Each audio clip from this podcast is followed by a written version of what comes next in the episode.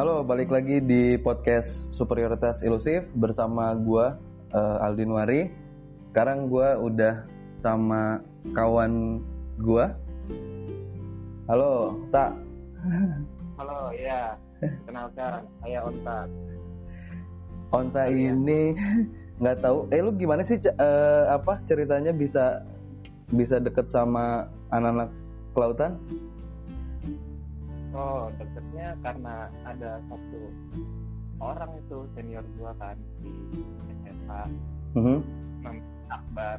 Mm -hmm. Ya, oh, oh iya lu juniornya Akbar ya? Ya masih numpang-numpang kan kosan ya mau nggak mau ngikut lah. Oh iya iya benar-benar lu juniornya Akbar. Gue kira tuh gara-gara lu satu kosan sama Kosik ya dulu ya? Akbar duluan. Akbar duluan baru main-main itu. Akhirnya lu bikin kontrakan bareng sama Odi sama Kosik akhirnya kenal lah sama anak, -anak lautan. Hmm, iya iya iya. Onta ini lulusan ilmu perpustakaan. Tak lu masih masih sering ditanyain gak sih kalau ilmu perpustakaan tuh kerjanya ngapain? Terus apa namanya? E, jawaban yang paling pas untuk dijawab pertanyaan itu gimana tak? Gimana coba ulang pertanyaannya seolah-olah? Enggak, enggak beneran, enggak apa-apa. E, apa namanya? Lu kan ilmu perpustakaan nih, maksud gua kayak gua nih ilmu kelautan juga kayaknya di masyarakat umum juga belum terlalu familiar gitu kan dibanding ekonomi, hukum dan sebagainya. Nah pasti kan suka ada yang nanya nih kalau orang-orang entah saudara lu atau apa gitu kuliah di mana jurusan apa ilmu perpustakaan. Itu kerjanya ngapain? Nah lu masih sering ditanya gitu nggak? Masih bang sampai sekarang. Bahkan yang lebih lebih sakit itu ada tuh jurusan itu gitu tuh. Ya, nah itu lu jawabnya gimana? Ya, ada lah gitu kan. Biasa kan jawaban paling template ya ya tugasnya buat belajar yang di perpustakaan gitu. Lebih hmm. gampang. Soalnya kalau gue jelas iya gue belajar data kayak gitu-gitu ya nggak masuk. Ya paling apa ya kerja di perpustakaan aja udah gitu. Oh yang beres-beres buku ya gitu. Nggak tapi emang emang ilmu perpustakaan tuh salah satu uh, uh, apa apa namanya spesialisasinya adalah memang untuk uh, administrasi di perpustakaan gitu ya? Perpustakaan lah ibaratnya apa? Manajemen gitu ya? Perpustakaan nge perpustakaan dari pengunjungnya segala macam bang. Oh nggak berarti maksudnya ada nggak yang kayak di jurusan ilmu perpustakaan tuh eh, pekerjaan favorit yang memang di di eh, diimpikan sama anak-anak ilpus gitu? Wah iya tentu. Apa? Apa pekerjaan favorit ya jadi PNS gak bang. Anjing. PNS di. Udah paling favorit itu. Oh karena di setiap kementerian atau dinas gitu kan pasti ada ini ya ada ya. arsip gitu-gitu. Nah itu pengarsipannya sama anak-anak ilpus. Iya. Oh ya enggak gue kira kan pasti kalau orang awam tuh mikirnya oh ini pekerjaan yang diimpikan adalah di perpustakaan nasional gitu enggak kalau soalnya kayak perpustakaan nasional ya keren tapi banyak kan sih umumnya yang penting kerja di perpustakaan daerah aja gitu. Oh iya, iya, iya. sekarang perkembangannya ya. Kalau dulu di jam gue baru masuk ya itulah. Lu lu apa udah lama atau angkatan baru sih? Maksudnya adanya di si Ilpus itu dari tahun berapa? Kalau gua itu eh angkatan keempat. Ang angkatan keempat. Iya iya iya, iya. Onta ini salah satu yang gue kenal eh, apa namanya gue tuh mikir gini ini orang ini akan jadi sesuatu deh atau akan jadi seseorang di masa depan karena nggak tau gue ngeliat lo kayaknya unik aja tak ada sesuatu yang yang yang nggak tahu nggak bisa digambarkan tapi menurut gue ada sesuatu yang unik aja dalam diri lo. Makanya kan lo juga sekarang kerja menurut gue juga orang apa namanya orang awam juga belum tentu ngerti kan kerjaan lo apa tak atau ngerti kerjaan gue sih sebenarnya kalau buat anak-anak Jakarta gitu atau yang udah udah ngetren gitu konten creator tuh udah cukup tapi buat orang tua mungkin Iya, maksud gue orang untuk orang-orang tua. Oh, nah kalau lu sekarang Paling- apa konten creatornya di di di tempat kerja lu sekarang? sekarang Hmm. eh, editor jatuhnya ya kayak gitu, gitu bikin konten sosmed Editor apa Paling- video, gambar atau apa? ya editor bang ibaratnya kayak misalnya nih lu lu nulis nih Aha.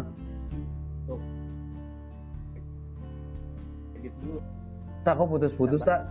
Anjir kayak di Prambors. Ini guanya apa lu nya sih?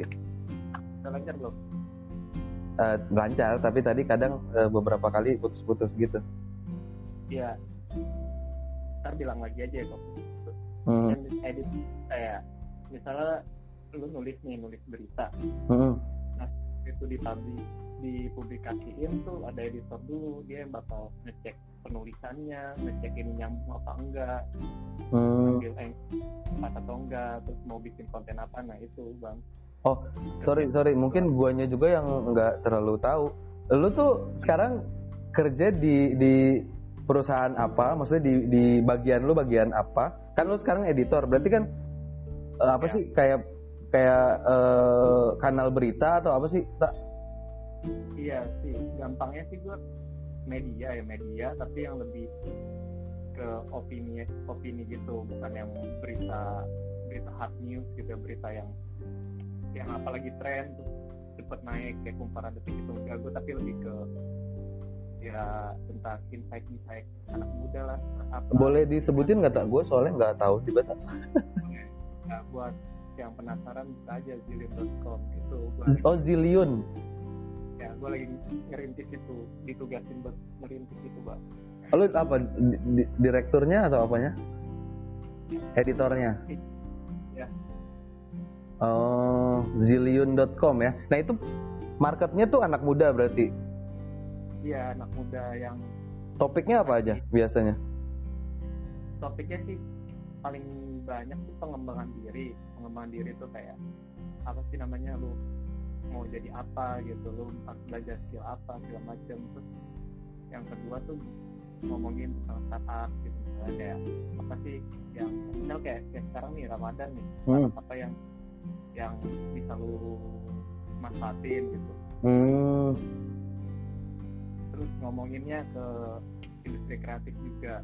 Hmm. industri kayak desain kayak animasi segala macam nah tapi yang bikin beda ininya itu media gue tuh bukan beritanya sebenarnya tapi mindset mindset orang di baliknya itu yang pengen kita coba gali gitu. Oh kayak kayak eh, media lu tuh eh, eh tapi hampir semua media juga tulisannya dari luar ya. Ini tulisannya dari luar kan terus habis itu lu eh, yang screening gitu baru siapa yang layak untuk untuk ditampilkan gitu, untuk dipublish. Atau memang ada juga yang si penulisnya itu dari dari in-house gitu dari dalam Zillionnya. oh ada ada penulis dari dari dirinya bukan dari luar gue masih kayak kita tuh rapat eh, minggu ke depan mau ngangkat topik apa gitu udah kita kita bedah di situ penulis yang nulis sendiri gitu Oh, lu yang ngedit apa eh, apa editornya tadi? Ya. Oh. kita menentukan bukan topik yang diangkat terus juga ngedit artikel sebelum naik gitu Hmm, mungkin guanya yang harus belajar tuh tingkatan-tingkatan apa berita yang bisa sampai bisa tayang. Kayak lu pimretnya apa apanya sih? Bukan. ya Oh, lu pimretnya. tapi kalau Pimbret kan apa banget Oh, enggak enggak enggak Gen Z banget ya. Itu enggak ya. Terus di Inggris itu jabatan sekarang Harus eh, berarti di, kalau di Inggris ini apa tuh?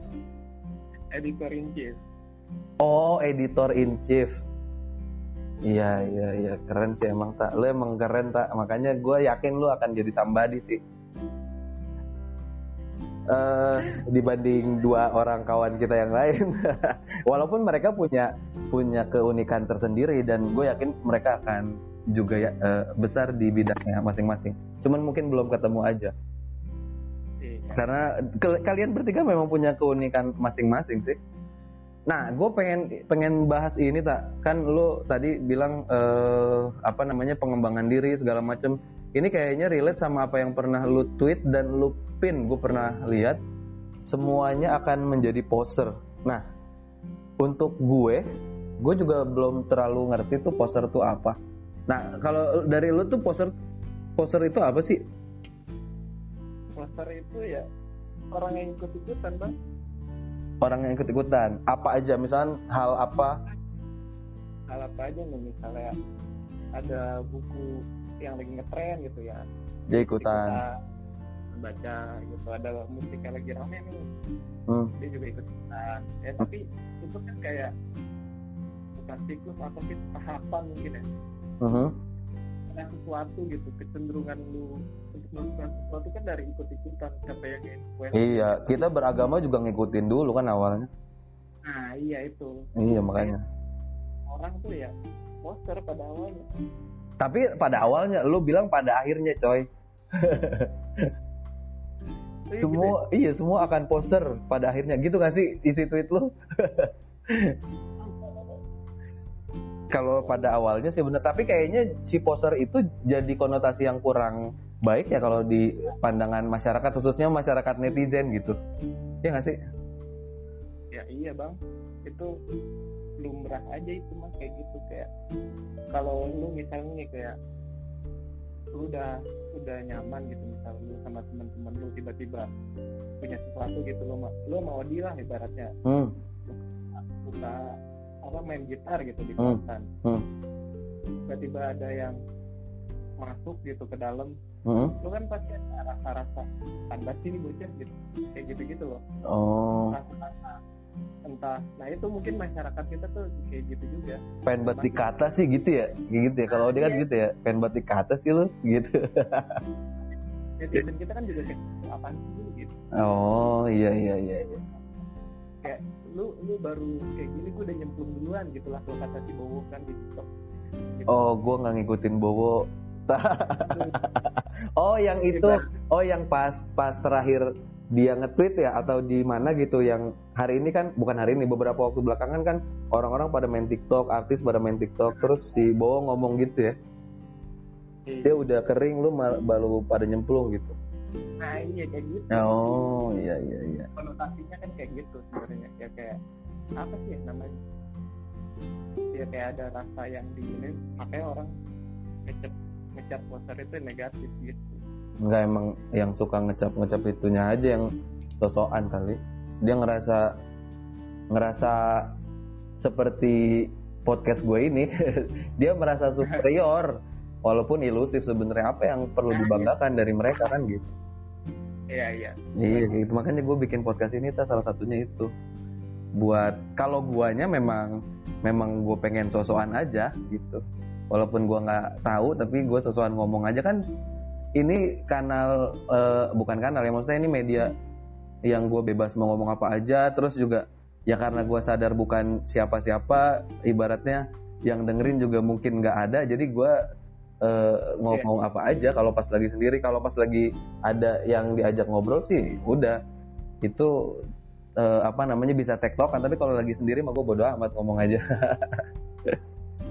Iya kayak kayak ninggalin jejak gitu aja ya Hmm. siapa yang mau denger kita belakangan. Gue gue sampai kayak ada ada satu episode gue mungkin yang eh, lebih dari tiga atau empat gitu yang dengerin itu gue udah seneng banget loh. Sama bang. Anjir ternyata ada yang dengerin. Apalagi kalau kita nggak promosiin gitu tiba-tiba Iya. dengerin tapi padahal gue gue tuh masih malu-malu gitu promosiinnya karena takut bukan eh, takut ya maksudnya kan salah satu tujuannya gue bikin ini juga biar nggak banyak orang yang dengerin juga. Tapi kan kadang kan pasti punya perasaan ya masa gue bikin gak didengerin sih? Gitu. Nah itu. Ya gitu memang memang suka suka palsu perasaan kita tuh. Tapi berharap apa sih bang maksudnya? Anjir gue nanya. Nggak Berharap apa-apa. sih? Apa? Eh, Oh. gitu dari dari lu sendiri gitu yang lu harapin. Di podcast? Ah, ah kalau gue sih sebenarnya eh, awalnya kan memang karena gue sering dengerin podcast tuh. Kalau lo tahu podcast awal minggunya Adriano Colby itu kan dia sa- Iya. salah satu podcast yang awal-awal lah di Indonesia kalau gua nggak salah ya. Nah itu gua eh, lumayan ngikutin dari tahun 2000 berapa ya? 2016 2017 gitu. Nah lumayan sering de- eh, dengerin gitu. Dan gue kalau misalkan dengerin tuh senang aja gitu. Wih, iya juga sebenarnya kan kayak kalau misalkan nih eh, kalau zaman kita kuliah terus kita eh, kita di kosan gitu ya atau di base camp atau di kontrakan kadang kan eh, kita apalagi jam-jam segini nih udah lewat tengah malam biasanya jam-jam bego tuh jam jam bego tapi pinter ya Iya jam-jam bego, tapi nggak tahu kenapa topik yang dibicara eh, dibicarain itu kadang berat-berat. Nah, maksud gue kalau itu direkam kan kayaknya keren gitu. Nah, kadang kan juga eh, apa namanya kita atau gua khususnya gitu kan. Kadang kan gue suka apa sih kayak ngomong sama diri sendiri entah kayak lagi di motor atau lagi nyetir mobil apa segala macam kan kayak sering ngomong sama diri sendiri terus gue mikir kenapa nggak gua eh, apa namanya nggak gua rekam aja gitu siapa tahu ada yang ada yang benar tapi tujuan utamanya salah satu eh, salah satunya adalah ketika gue dengerin ulang itu tuh ada evaluasi gitu tak buat gua. Khususnya misalkan kayak gue sekarang nih ngobrol sama lo atau kemarin-kemarin dua episode sebelumnya gue ngobrol sama temen gue yang lain. Terus gue dengerin ulang gitu. Oh gue harusnya nggak kayak gitu. Wah maksudnya dari situ tuh kayak oh ini harus ada perbaikan nih. Gue harus melanin tempo gue terus juga kayaknya gue dalam berbicaranya jangan sengotot itu. Kayaknya kalau gue dengerin aja nih sepanjang eh, conversation ini gue terlalu pakai urat deh ngobrolnya gitu. Tapi lu emang nggak ada niatan buat ini? Kalau yang gue tangkap lebih Hmm? ke ini kan maksudnya ke lu menyikapi diri lu lah gitu kan tapi emang nggak pengen terkenal gitu atau apa? Enggak sih tak, nggak ada nggak ada sama sekali kepikiran ke arah situ sih kalau gua. Kalau gua mau ke terkenal sih eh, apa namanya ya pasti kan gue dengan promosi promosi segala macam. Nah ini aja sebenarnya kan gue baru-baru ini aja tuh gue iniin di Twitter gitu tak. Sebelumnya tuh gue biasanya eh, karena topiknya eh, apa namanya awal-awal tuh kayak gue bikin podcast ini ah apa yang lagi gue gelutin sekarang nih gue pengen ngomongin Nah, eh, yang gue omongin di awal-awal kan kebanyakan tuh tentang investasi sama trading. Nah itu kan kayaknya nggak nggak umum banget kan. Nah, gue biasa share-nya adalah di akun Instagram gue yang memang ngebahas tentang saham. Nah itu kan followersnya juga masih sedikit, masih 200 lah. Dan itu juga hampir bukan semuanya, tapi mostly orang yang nggak kenal gue gitu. Jadi eh, gue share di situ, yang dengerin juga kan nggak nggak kenal gue gitu ya udah maksudnya nggak apa namanya nggak notice lah bahkan mereka nggak tahu eh, admin di belakang eh, akun itu aja siapa nggak tahu gitu. Gue nggak share di di akun Instagram gue juga. Nah baru kemarin aja gue apa namanya eh, share di Twitter gitu. Karena memang gue pengen ngajak temen gue tuh dua orang itu. Dan lu kan nyam apa eh, apa nimpalin ya. Maksud gue oh ya udah. Onta juga kayaknya salah satu yang prospektif nih kalau untuk diajak ngobrol gitu. iya gue juga belakang belakangan ini pengen nyoba nyobain podcast juga udah berapa episode gitu Ih, ntar gue dengerin tak asli gue dengerin. Eh, itu kan tapi kalau lu kan eh, apa namanya lebih fokus untuk ngebahas musik ya tak. Which is gue nggak nggak ahli juga, maksudnya gue nggak ngerti banyak tentang musik. Tapi sekilas tadi gue ngelihat Instagram lo udah ada stories tentang musik dan kebanyakan musik-musik yang gue nggak tahu juga gitu. Jadi kalau gue ngobrol di podcast lu juga nggak akan inilah nggak akan ada ininya. iya kan tergantung marketnya bang Iya benar-benar. Eh oh iya tak, gue pengen nanya, lu kan ada kalau gue lihat di di Instagram lu tuh apa ada Davon Davon itu apa? Itu apa tuh tak? iya itu bio gua Davon Bio apa? jadi itu Davon itu kan situs ini bang situs penyedia font font gratis dan ada lisensi kayak gitu gitu Hmm. di seluruh dunia gitu Hah? nah biasanya kalau kalau bio tuh kan kalau nggak Tumblr gitu di Instagram tulisan atau segala macam Hmm. kalau enggak apalagi apa sih situs apa misalnya dia dia konten kreator YouTube pasti ke YouTube oh iya sebelum sebelum sebelum dapur itu gue bio gue itu situsnya ke blogspot gue blogspot Nah, ya tapi karena nggak pernah update juga gitu nggak. Nah terus iseng tuh sekitar tahun 2000 ini udah udah mau akhir kuliah tuh bang. Gue iseng-iseng waktu itu masih masih sepi kali. Hmm, hmm. pas belum rame. Mas dapon nih. Kan emang dulu kalau kalau suka ngedesain gitu nyari font di dapon gitu kan. Oh guys di sana kayak gitu Hmm. terus gue baca tuh gimana sih cara cara ngirim ke dapur oh tinggal login terus tinggal submit gitu kan hmm. ya udah cari tuh di internet cara membuat font gitu kan ada tuh bikin gua gua ada satu website nyuruh kayak blueprint di kertas terus Hmm. tulis huruf-huruf tuh tuh segala macem nah lu tulis udah nanti di di scan ke komputer nanti bakal bakal jadi font gitu font sendiri font punya lu gitu misalnya. Nah itu dulu dapat benefit nggak? Ketika ada orang yang download gitu. Karena gue emang itu pun nakal gue emang nggak mau nggak nggak bisa dibenefitin juga itu pun nggak nggak jelas soalnya. Oh nggak bisa. Gue kira ada ada kemungkinan bisanya gitu. Bisa tapi menurut gue secara secara penggunaan gitu pengaplikasian tuh font gue nggak nggak cocok buat itu buat dibisnisin kayak font-font yang lain paling tuh kayak kayak gini bang lu pertama pertama bikin akun hmm.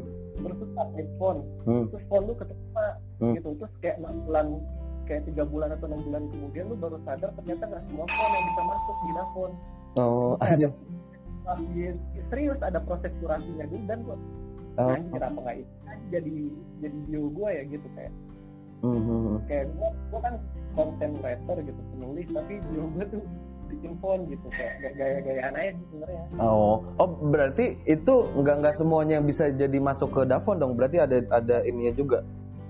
ada kurasinya Mhm. Dan- Kurasi, Oke. gue tadi mau ngomongnya kalibrasi aja, kurasi ya bener. Kalibrasi.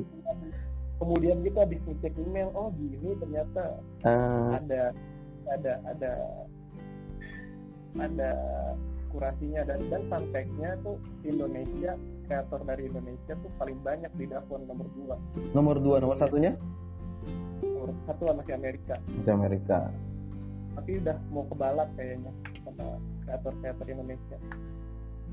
Makanya kayak anjir gue kayak kayak yang masuk sini tuh orang-orang keren sebenarnya di Davon tapi gue bisa lolos kurasi juga bingung gue tahu Ya lu keren berarti ta, lu keren. eh, tak lu, lu hari ini eh hari ini lu sekarang umur berapa sih tak? umur dua enam 26 Nah 26 Gue pengen nanya Udah ada quarter life crisis nggak di hidup lu tak? Atau lu sekarang lagi menjalani itu? full life crisis bang anjir Hah? full life crisis Whole life apa? full Full kenapa? Bego? Nggak maksudnya lu, lu, lu, lu tahu kan? Maksudnya eh, istilah quarter life crisis itu? ya tahu makanya Iya. gue bercandain full Oh iya Enggak apa? Apa yang yang lu rasain sekarang yang mungkin bisa di kita share kita obrolin gitu quarter life crisis yang lu lagi rasain mungkin sejak 20-an atau 25-an gitu quarter krisis gue tuh kerasa pas ini bang pas habis kuliah mungkin itu kayak gue tuh kan dulu belum ada istilahnya kan itu baru-baru dua tahun kebelakangan ya. Iyalah kayak baru-baru itu.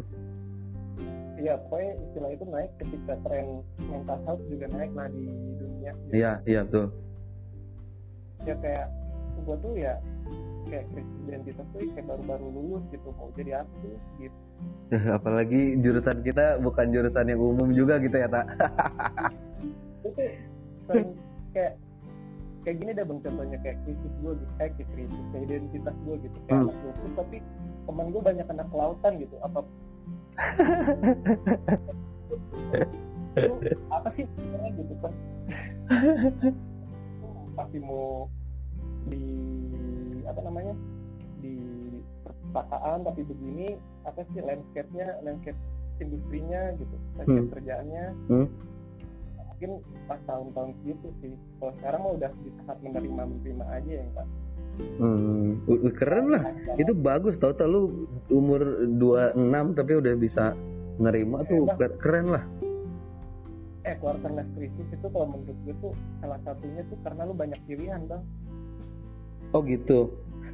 ya kalau menurut gue ya ini menurut gue jadi kalau lu gembel kayak gue gitu kayak gak, gak punya banyak pilihan dalam hidup tuh lu gak bakal mikirin gitu Quarter life crisis itu bukan cuman banyak pilihan tak, tapi banyak kemauan juga.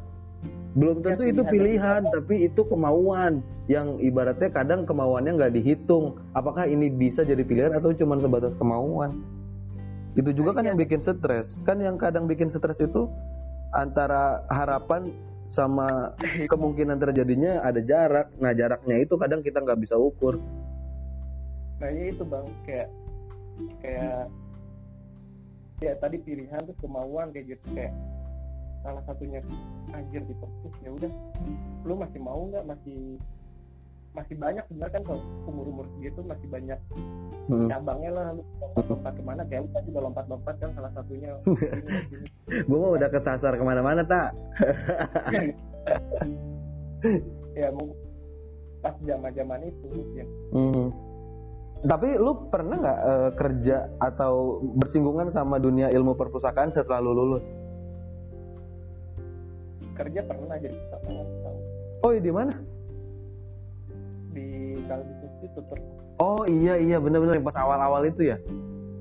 awal tuh pernah Iya iya benar. Sebelum ke lu ke itu kan yang ada di Cikini itu. iya di sebelum itu dah Oh iya iya benar. Gua aja gua awalnya nggak nggak itu kan apa namanya gua nggak ngeh kan lu lu kerja di situ kan gara-gara Iya. gua ada ada project barengan sama eh, orang-orang situ baru gua tahu oh anjir onta di sini ternyata gitu kan. Iya. Iya gua akhirnya baru Odi datang kan kita telepon itu. Iya iya iya iya iya. Habis itu kayak gua habis itu ini deh tes PNS tapi gagal Eh, itu Pak, lu pernah ikut CPNS nggak tak? Tes CPNS gitu? oh, pernah dong Berapa kali? sekali tahun 2019 18, 19 ya? 18 dong? Iya kan? awal 19 emang ada? ini 18 berarti bang Iya, 18 kayaknya nah deh. itu orang ikut Iya, iya 18. Kayak gue juga ikutnya pas 18 deh. Iya benar-benar Iya, pengen 18. Benar-benar 18. pengen nyobain gitu kan Hmm. itu gue cowok kan itu bang dari kantor gue nggak ada maksudnya orang kantor gue tuh nggak gue kasih tahu tuh sampai sekarang Lu tes. kayak udah maksudnya nggak gue kasih tahu juga nggak gue mungkin-mungkin gitulah pokoknya Hmm. Mhm. Ya kalau gue Ya, pengen- gue juga pernah sih sekali habis itu nggak nyoba lagi ternyata seru ya itu sih kenapa menurut lu perlu seru seru seru. Oh seru. Apa serunya? Seru kayak lu habis tes langsung keluar gitu nih oh langsung keluar nilainya gitu ya? Kerasa gitu kan kayak anjir gua niat ini tuh mau jadi jadi abdi negara gitu. Tapi tapi kan ternyata jadi abdi negara itu bisa di mana aja tahu nggak harus jadi PNS ya iya kita mau ngomongin apaan lagi nih tak? bapak gue rewel gitu. Ya ngomongin apa aja bang? Nah gue juga penasaran nih bang. Apa tuh? Sama sama lu kayak lu pernah gitu ya pernah pernah lihat gue kayak nyinggung nyinggung Dunning Kruger effect gitu lah. Apa apa apa apa Dunning Kruger effect oh iya kalau antusias atau apa gitu Hmm? gue selalu bikin artikel itu tuh tentang itu. Lu sering apa apa gimana? Gue pernah bikin artikel tentang itu tuh Nah. kalau dari perspektif. kalau lu udah pernah bikin berarti sebenarnya lu udah pernah riset. Lu dong ceritain kalau gua kan memang sosokan aja tak gue tuh cuman pernah ngeliat di Twitter kalau nggak salah terus habis itu gua nggak inget eh, gue maksudnya gue pernah baca sekilas tentang ada efek ini. Kayak waktu itu eh, bahasannya itu tentang orang yang baru hijrah kalau nggak salah ya. Terus ada orang yang bikin thread tentang itu. Tapi gue nggak inget nama efeknya tuh apa nama sindromnya tuh apa. Kemudian gue bikin podcast. Waktu itu gue awal-awal udah bikin tiga episode gitu lah udah ngerekam gitu-gitu. Tapi akhirnya yang uh, tiga-tiganya nggak nggak gue rilis nggak gue naikin. Terus gue bikin ulang lagi uh, apa introductionnya.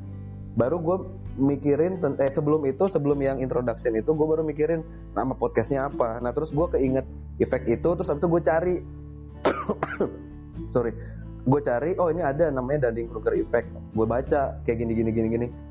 Kayaknya gue sering nih terkena efek ini. Nah terus maksud gue ya udah gue jadiin jadiin uh, nama podcastnya dan namanya juga kan lumayan catchy gitu kan superioritas ilusif jadi oh ya udah deh ini jadi jadi kayak uh, apa ya koridor gue untuk berbicara di podcast ini gitu. Gue mau sosokan aja walaupun mungkin gue juga nggak punya banyak waktu untuk riset atau mendalami sesuatu yang pengen gue obrolin.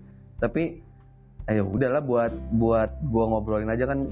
Siapa tahu itu juga menjadi stimulus gue untuk mau cari lebih eh mau tahu lebih dalam gitu. Iya. Nah, kalau itu ada hubung hmm? ada hubungannya bang sama yang kita bahas di awal tadi tuh ya. Poser. Tentang Nah itu dia kan. Nah masyarakat juga mungkin konotasinya negatif ke poser ini. Hmm? Karena emang gitu. Eh, kalau poser dia di tahap poser tuh emang dia paling tahu. Suatu yang lu bisa bilang tadi hijrah gitu kan. Hmm bukan apa sih namanya ya efeknya itulah mm-hmm. orang ini orang baru punya tato orang baru masuk kuliah gitu kan. Mm. kayak lu bangga bangganya kuliah kan iya yeah, iya. yeah. pas semester dua gitu. Soalnya uh kelar gitu kayak gitu iya iya iya iya. Itu karena dan yang trigger efek di dan itu kenapa masyarakat gak suka karena di tahap itulah tuh poster-poster tuh emang selin gitu. Mm-hmm Iya kan kalau misalkan dilihat di chartnya kan kayak gitu kan. Lu pernah baca pasti kan lu udah udah itu kan udah riset uh, ada ada apa sih kayak chartnya gitu kan. Si antara uh, chartnya itu Y-nya itu adalah uh, apa namanya? kepercayaan diri, kemudian T, uh, X-nya itu adalah uh, waktu gitu kan. Nah, si kurvanya itu membentuknya bentuk naik, habis itu turun, naik lagi kan. Nah dia ada pas fase-fase awal itu pasti dia ngerasa so tahu banget, ngerasa tahu banget gitu. Tapi kalau misalkan dia nggak berhenti di titik itu, bagus sebenarnya karena dia mau belajar, belajar, belajar. Ketika belajar dan dia sadar bahwa yang dia tahu itu nggak sebanyak yang dia kira, akhirnya dia kepercayaan dirinya menurun yang efeknya adalah dia nggak nggak lagi keluar-keluar tentang itu tapi dia mendalami apa yang dia jalanin sampai ke satu titik naik lagi kurvanya eh, pengetahuannya dia sudah cukup kepercayaan dirinya sudah cukup maka ketika dia berbicara dengan eh, sikap atau kata-kata yang lebih elegan pastinya gitu. Udah paten gitu. Udah paten. Jadi nggak nggak so tau lagi nggak nggak nyalah nyalahin orang nggak ya kayak gitu gitulah jadi sebenarnya kalau yang lu kalau lu udah pernah baca efek itu kemudian yang men, uh, apa namanya sadar bahwa efek itu tuh ada banget di masyarakat. Mau poser mau Dunning Kruger efek ini harusnya sih lu akan memaklumi ketika ada orang yang seperti itu gitu. Oh ya udah nggak apa-apa dia baru tahu aja. Iya iya. Gitu tak nah. ini apa, bang, tanya lagi apa ya? Uh, kalau musik gitu tak sebenarnya lu ada ada ada uh, apa spesial nggak sih tak lu sukanya musik apa gitu tak? karena kalau gue lihat di review-review atau misalkan dari dulu lu barengan sama Odi sama Kosik kayaknya juga bukan bukan apa namanya uh, bukan musik-musik yang mainstream juga gitu kalau mungkin kalau di hari uh, lu di waktu itu tapi sudah boomingnya Twitter kayak sekarang lagi mungkin lu jadi poster juga sih di saat itu gitu lu karena mungkin lu ngerasa indie banget ngerasa paling kiri. Anjir tuh ya iya anjing tuh meme yang Sherina itu ya? Iya. Apa tak? Iya kalau kalau kalau lebih apa ya lebih mungkin bagi nggak tahu sih kalau bagi gue atau bagi lu kayak kayak udah mulai menolak bukan menolak kayak udah cenderung nggak ngikutin apanya musik-musik yang sekarang gitu maksudnya yang maksudnya tahu tapi dengerin dengerin kilas saya nggak kayak dulu gitu kayak dipuli saya Ah. cari gitar gitu Ah. iya yuk, cari cari di cari melodi di gitu oh karena Itu tadi. mungkin dulu mah lu ada partner yang untuk ngulik terus juga punya banyak waktu luang untuk ngulik dan sebagainya untuk ngobrol untuk doing nothing lah. Kalau sekarang mungkin karena lu juga udah Nah. kerja ada target yang harus lu capai dan sebagainya jadi lu nggak punya waktu tuh untuk kayak gitu kali gitu. Iya tapi makanya tuh gue salah satu bikin media yang musik itu ya biar tetap update gitu maksud kalau gue nggak update ya seenggaknya temen-temen sekitar gue tuh bisa ngasih ngasih. Oh ngasih feedback ngasih masukan gitu ya lagi rame nih sekarang. Misal kayak sekarang lagi rame. Di India nih maaf minta maaf gitu. Minta maaf apa sih? Gue nggak tahu. Apa? zaman zaman sekarang udah gak dengerin musik rock gitu.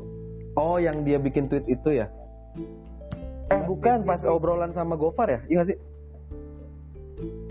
Iya Ya. obrolan sama gue iya mas yang di Bali itu ya? Iya. Hmm. rame lagi rame gitu kayak ini kan kayak flashback aja gitu kayak ini gue kemarin nge juga di disanggah gitu kan temen gue ya beda orang nggak suka sama benci tapi gue ngeliat kayak ada trennya gitu nggak sih? Kayak misalnya ada yang naik nih sekarang kan Hmm. sekarang panggung mirip milik si sama India katakan. Apa Fis sama Hindia ketika fans makin banyak tuh pasti antinya tuh makin banyak juga dong Hmm. itu zamannya itu SMA lah Justin gitu kan Iya itu tadi gue lihat meme-nya juga tuh yang biasa yang apa Ya. namanya yang yang diikat itu ya yang pala eh, yang mau digantung terus Iya. si si Piwi Gaskin yang bilang first time terus yang talinya tuh haters gitu ya Iya. tapi kadang tuh haters itu juga biasanya bagian dari itu kalau lu dengerin obrolannya si siapa? Doci itu ya? Doci sama Gofar kalau nggak salah ya? Lu lu dengerin nggak? Lu nonton nggak. Hah? Iya kan? Belum. Nah itu maksudnya si siapa? Si APWG APWG itu asalnya dari si PWG juga.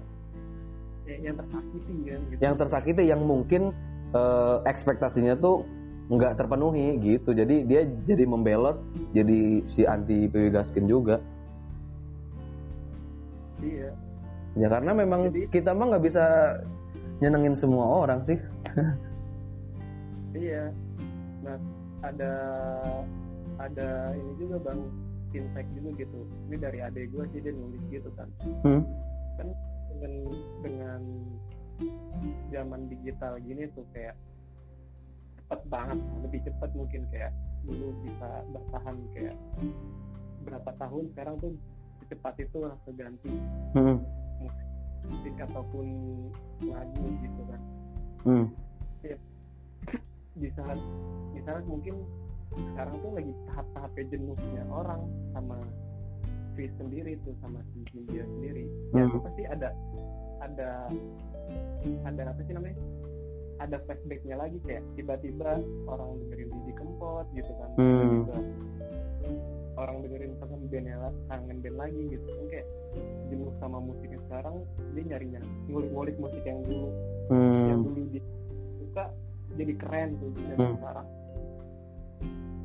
tapi tapi menurut gua eh apa namanya nggak tahu ya kayak eh kayak Sheila on Seven kemudian Naif Ya, slang terus naik kayak gitu-gitu eh, maksudnya tetap dia tuh dia tuh ibaratnya kayak udah settle gitu di di satu titik yang nggak nggak lebih rendah juga nggak lebih tinggi gitu nggak sih? Iya. Itu susah kan band-band yang kayak gitu kan yang, iya. Yang udah ada di posisi kayak Salon Seven Noah lah gitu lah Mm-mm. oh Noah gue nggak tahu sih. gue nggak nggak nggak tahu deh kalau Noah yang nggak bisa diganggu gugat gitu lah posisi Mhm.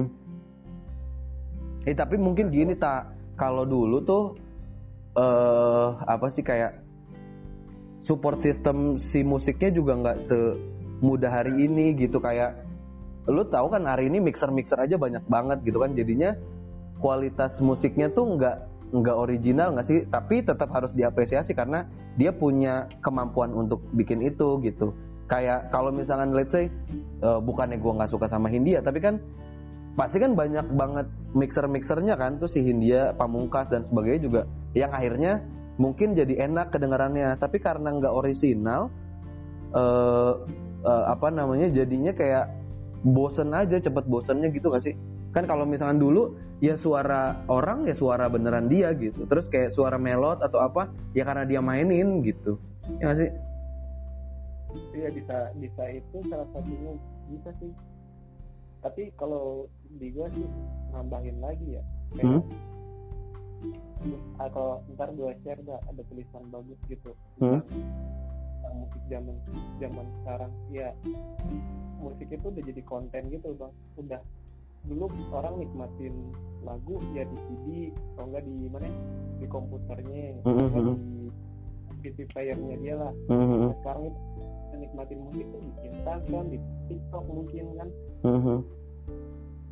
oh udah jadi udah jadi konten bukan uh, apa ya ibaratnya bukan main kontennya tapi dia malah jadi kayak uh, apa sih tambahan-tambahannya doang gitu ya? Ya nggak sih?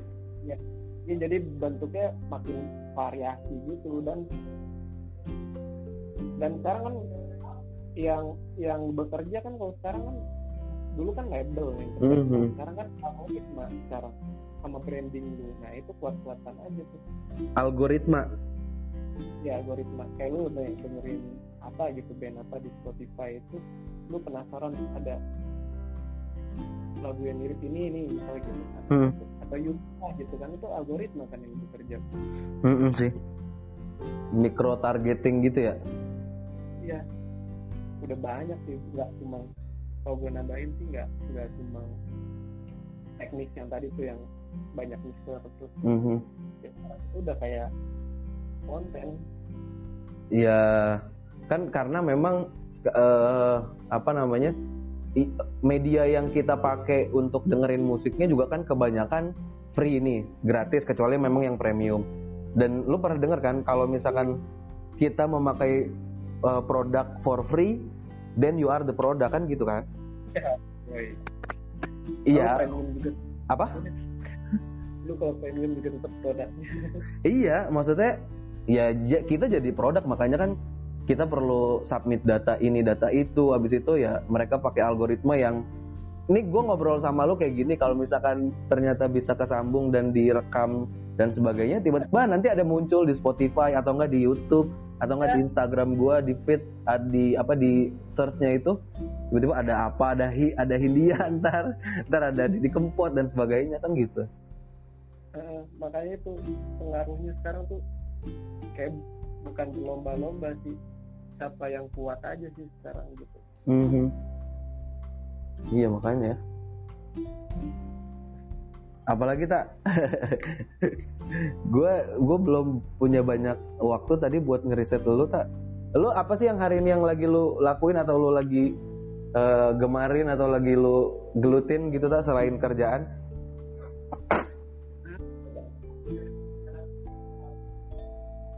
main Pokemon Ah, emang bisa lagi? Emang ada lagi?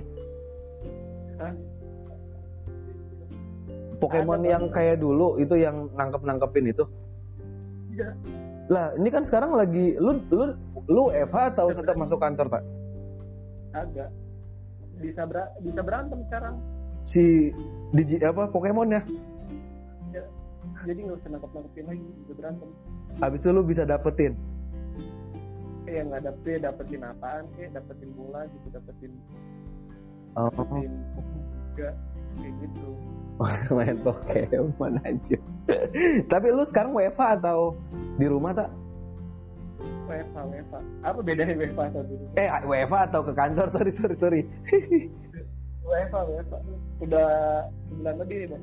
Sebulan lebih. Tapi kan sebenarnya memang uh, industri lu kan juga kalaupun dalam kondisi normal juga sering juga kan uh, untuk yang work from home tapi juga kadang uh, ngabisin waktu berlama-lama di kantor juga kan? Iya. Iya. ya industri kreatif lah cocok untuk orang-orang kayak lu sih Ta. emang emang itu udah jalan lu dan gue yakin banget sih eh, lu bakal ada di dunia itu. Gokil emang mata lu peramal lu. Iyalah gue kan makannya di ini kan waktu itu apa kucingan peramal. Lu nggak tahu cerita kucingan peramal? Nah apa tuh bang? Lu nggak tahu? Kan Odi Odi Bewok Fakih gitu tuh sering ngobrolin tentang kucingan peramal. Lu tahu nggak ada sejarah di balik itu nggak tahu. Nah jadi waktu itu malam-malam kan gue berempat biasalah di kucingan yang deket apa namanya penyet kuah. Si Oh, iya. apa namanya yang yang yang jualannya mirip Bruno Mars. Tau kan lo tahu apa sih namanya itu? Kucingan. Gue nggak tahu namanya tapi gue gue nyebutnya akhirnya jadi kucingan peramal. Dulunya gue nyebutnya kucing kucingan Bruno karena kan si penjualnya kan mirip Bruno kan gue manggil aja Bruno. Gitu. Nah waktu itu malam-malam berempat lagi makan di situ kan biasa. Terus tiba-tiba ada orang lu kalau lu pernah tahu nggak ada manusia akar itu? Oh tahu gua. Yang kutilan itu sorry ah, yang ada itulah kutil-kutil gitu. Nah. kan Iya, nah orang itu tiba-tiba datang ke kucingan, terus eh bilang apa namanya, Pak, saya minta tolong, eh Bang, eh, Mas atau apa gitu. Mas saya minta tolong, eh saya kayaknya diguna-guna segala macam. Nah terus biasa kan lo tau kan, gua Odi Paki kan biasanya gitu kan, apa sih? Iya, nih Pak, dia peramal Pak, bisa Pak dia. Enggak Pak, si bewok gitu, enggak enggak bohong Pak. Bener Pak dia bisa gitu, jadi Pak tolong tolong gitu sampai segitunya sih orangnya gue juga kasihan sama orangnya sih tapi ya begitulah kan gue berempat. Ya udah akhirnya dari situlah eh, disebutnya kucingan peramal.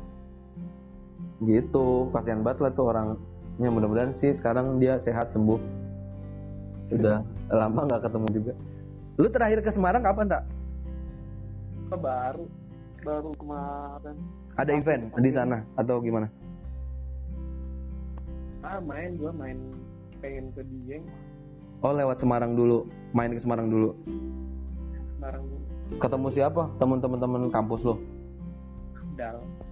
Eh itu dia ada masih ada di sana tak? Abdal di Depok bang sekarang. Di- dia lulus nggak? Lulus lulus. Ya dia ilpus juga kan ya? Ya dia kerja apa? Dia pustakawan dia. Oh yoi. Tapi di sekolahnya nih Hello Motion tuh apa apa Motion. Ilmotion apa? Dia sekolah di Hello Motion. Hello Motion. Oh dia seko- ngambil sekolah lagi? Enggak dia kerja di situ pustakawan di situ. Pustakawan di Hello Motion. Hello Motion tuh apa sih tak sekolah di Hah? Gimana desain sekolah? Sekolah- SMA tapi buat desain sama animasi. Formal tapi? Formal. Dia setara SMA atau SMK gitu setara SMA tapi kurikulum yang beda kalau gue di itu punya luar? Enggak punya Wahyu Aditya itu loh. Wahyu Aditya. Yang desain dulu orang kementerian desain. Oh Kementerian Desain RI itu KDRI itu. Bikin Hello Motion. Oh iya iya iya iya. bikin, bikin sekolah. Keren juga Abdal. Ya kerjanya tukang desain juga Abdal sana iya dia suruh desain tato dia lah. Dia tatonya masih ada nggak sih tak? Masih ada. Masih ada apa? Dulu dia tulisannya Afdal kan tapi salah kan? Apple iya kan? Jadi Afkol kan? Tato Afdal pakai bahasa Arab tapi jadi Afkol. Aduh astaga Afdal. Ya Allah. Dia terus rambutnya sekarang warna apa tak warna biru. Ya Allah warna biru. Astaga Afdal makanya bebas banget bisa gondrong kayak gitu-gitu. Di tempat kerjanya dia. Ya, karena ya industri kreatif juga kan. Lu juga sama kan gondrong-gondrong juga kan? Iya. Iya lu. Lu mau wawancarin Abdal nih sekali-sekali? Gue nggak akan nyambung anjir. Iya yang ada gue emosi nanti. Eh harusnya Odi tuh lu ajak tak ke tempat lu. Siapa tahu Odi mau gimana wah iya. Dia kagak pernah mau sih dia pernah sekali bang. Ah malu itu doang ya? Bukan Oh. maksud gue ajak kerjanya di di tempat lo. Biar maksudnya memang sesuai Dia dengan settle. apa? Settle dia kayaknya gue lihat. Dia dia nggak pernah apa sih nggak pernah ngeluh tentang kerjaan gitu ya? Heeh. dulu kan gue udah undang waktu itu sekalian nontonin si Ridho Slang gitu. Mm-mm. Sama Tria juga tuh waktu itu. Sempet. Oh iya iya.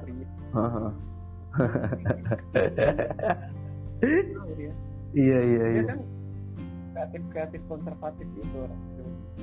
Kreatif konservatif anjir. Gue juga udah eh gue terakhir mau ketemu Odi kapan ya? Kayak Odi waktu ke rumah gue deh waktu bokap ini. Iya.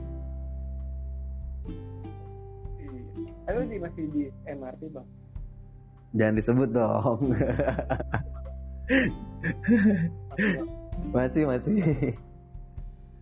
PH enggak. nggak ada lah. No Eva Weva Club. Ini gue lagi di tempat kerja tak makanya gue bisa ngobrol. Karena kan kalau malam tuh juga nggak nggak terlalu banyak kerjaan. Gue cuman standby.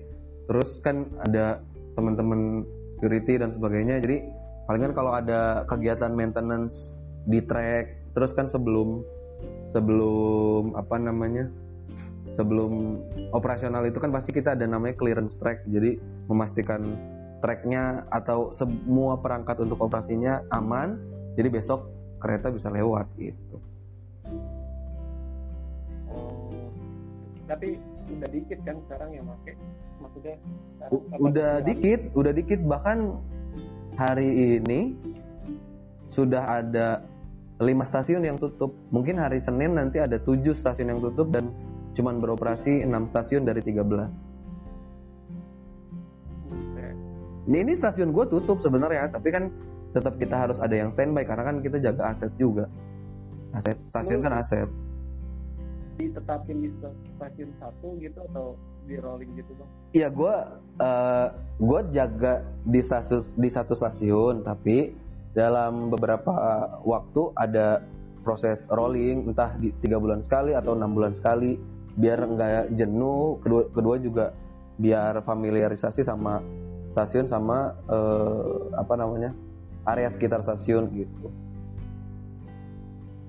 Oh gitu. Ya karena kan penumpang pasti kan nanya misalkan dia mau ke mana mau ke mana ya seharusnya kita tahu semua area yang dilaluin sama kereta MRT gitu. Oke oke. Ya kan gue naik MRT nggak pernah ketemu lu. Ya lu nggak, ya ini sih nggak ngasih tahu kan gue juga bukan kerja di keretanya, gue di stasiunnya. Ya iya. Lu naik dari mana? Dari ini Blok M. Ke Apa tuh? Eh ke Cipete. Ke mana ya arah? Hai hai.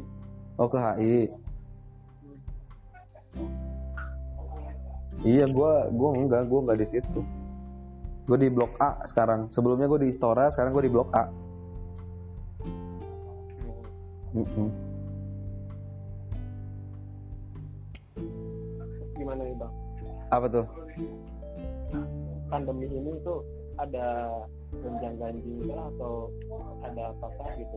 Gonjang ganjing apa dalam hal apa? ya ya kan kalau ahli bilang tuh kayak ini tuh tamat banget gitu kayak kayak bisa sampai dua tahun lagi gitu kelar nah kalau lu kan apalagi tuh transportasi publik gitu Hmm. udah ada warning warning kah gitu Ya kalau gue yang setahu gue ya, ya gue pasti semuanya ngikutin dari arahan pemerintah ya. Maksudnya khususnya pemerintah eh, provinsi gitu. Kalau misalkan Oh, ada ada arahan apa kita ikutin. Misalkan kayak kemarin arahannya ditutup sebagian ditutup gitu.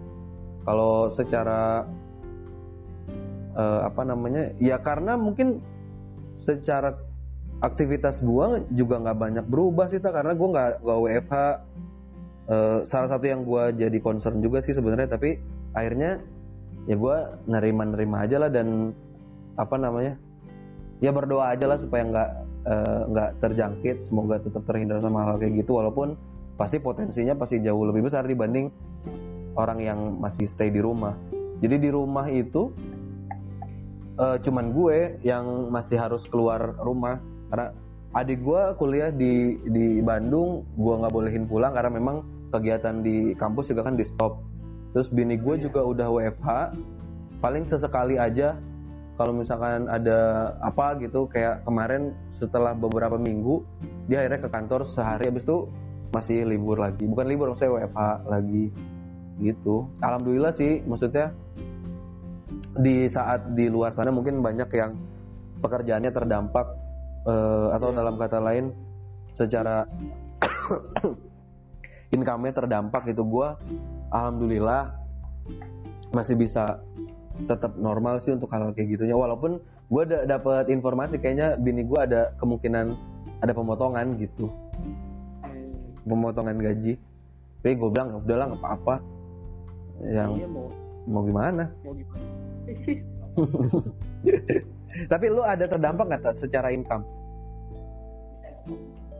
Saat ini sih enggak ya tapi udah di warning oh gitu tapi udah udah udah udah di warning itu dalam istilah ya kayak kan kalau perusahaan media itu kan banyaknya partner gitu. Hmm, hmm, hmm. revenue-nya tuh banyak dari partner gitu. Hmm. Nah, kalau kita sebenarnya kalau media itu kan masih menjanjikan lah di saat-saat kayak gini karena semuanya bisa dikerjain di rumah tapi Hmm. partner-partner tadi tuh yang biasanya ada support uang atau apa Hmm, hmm. bikin konten itu yang tadinya ada duit buat yang biasa kita kerjain tuh nggak ada gitu itu Mm-mm. yang di warning-warning kalau di karena kan kayak pemerintah Mm-mm. pemerintah pemerintah kan fokusnya ke sana semua Mm. ke, ke pengendalian Mm. terus swasta juga lebih banyak ke donasi nggak sekitar gitu kan Hmm. Yang tadi ya budget-budget buat Marketingnya. atau buat Hmm. Hmm. itu tuh udah mulai berkurang sekarang. Tapi masih ada? Masih masih ada tapi ya gitu harus di kalau di ibaratnya sih di refresh gitu loh modelnya. Oh di reset ya? Dari diulang soal kan ya tadi ibaratnya banyak sebelum sebelumnya dari budget budget marketing gitu yang yang turun. Nah, sekarang apa nih yang lagi bisa dikulik gitu dari Tapi- online ini. ad- eh, di di salah satu anak cabang si company lo itu ada udah ada marketplace ya? Apa belum? Enggak enggak enggak, enggak emang enggak ada marketplace. Oh nggak ada ya? Enggak ada. Kita Berat- memang media semua full media Eh, lu di di situ yang di tempat yang sekarang ini yang gua nggak mau sebutin namanya karena lu juga takut itu eh, eh, ada afiliasi nggak sih sama si big eh, apa? Ibaratnya kayak induk perusahaan lo nggak ada ya? Enggak ada. Oh lu di mana tadi di luar tak iya di Serang. Oh tadi sempat ada apa? Ini ngetok enggak motor tuh yang ngetok ini loh ngetok tiang listrik.